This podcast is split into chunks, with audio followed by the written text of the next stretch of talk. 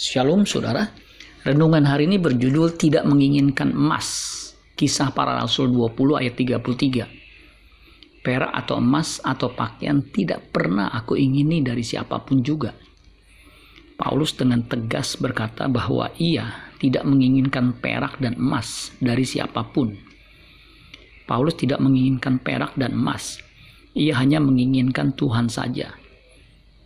Hamba Tuhan yang sejati tidak materialistis apalagi hedonistis. Hamba Tuhan yang materialistis akan menjadi batu sandungan bagi orang lain.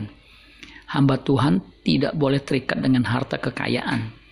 Jika ia terikat dengan kekayaan, jangan-jangan dia bukan hamba Tuhan, tapi hamba iblis. Amin buat firman Tuhan. Tuhan Yesus memberkati. Sola Gracia.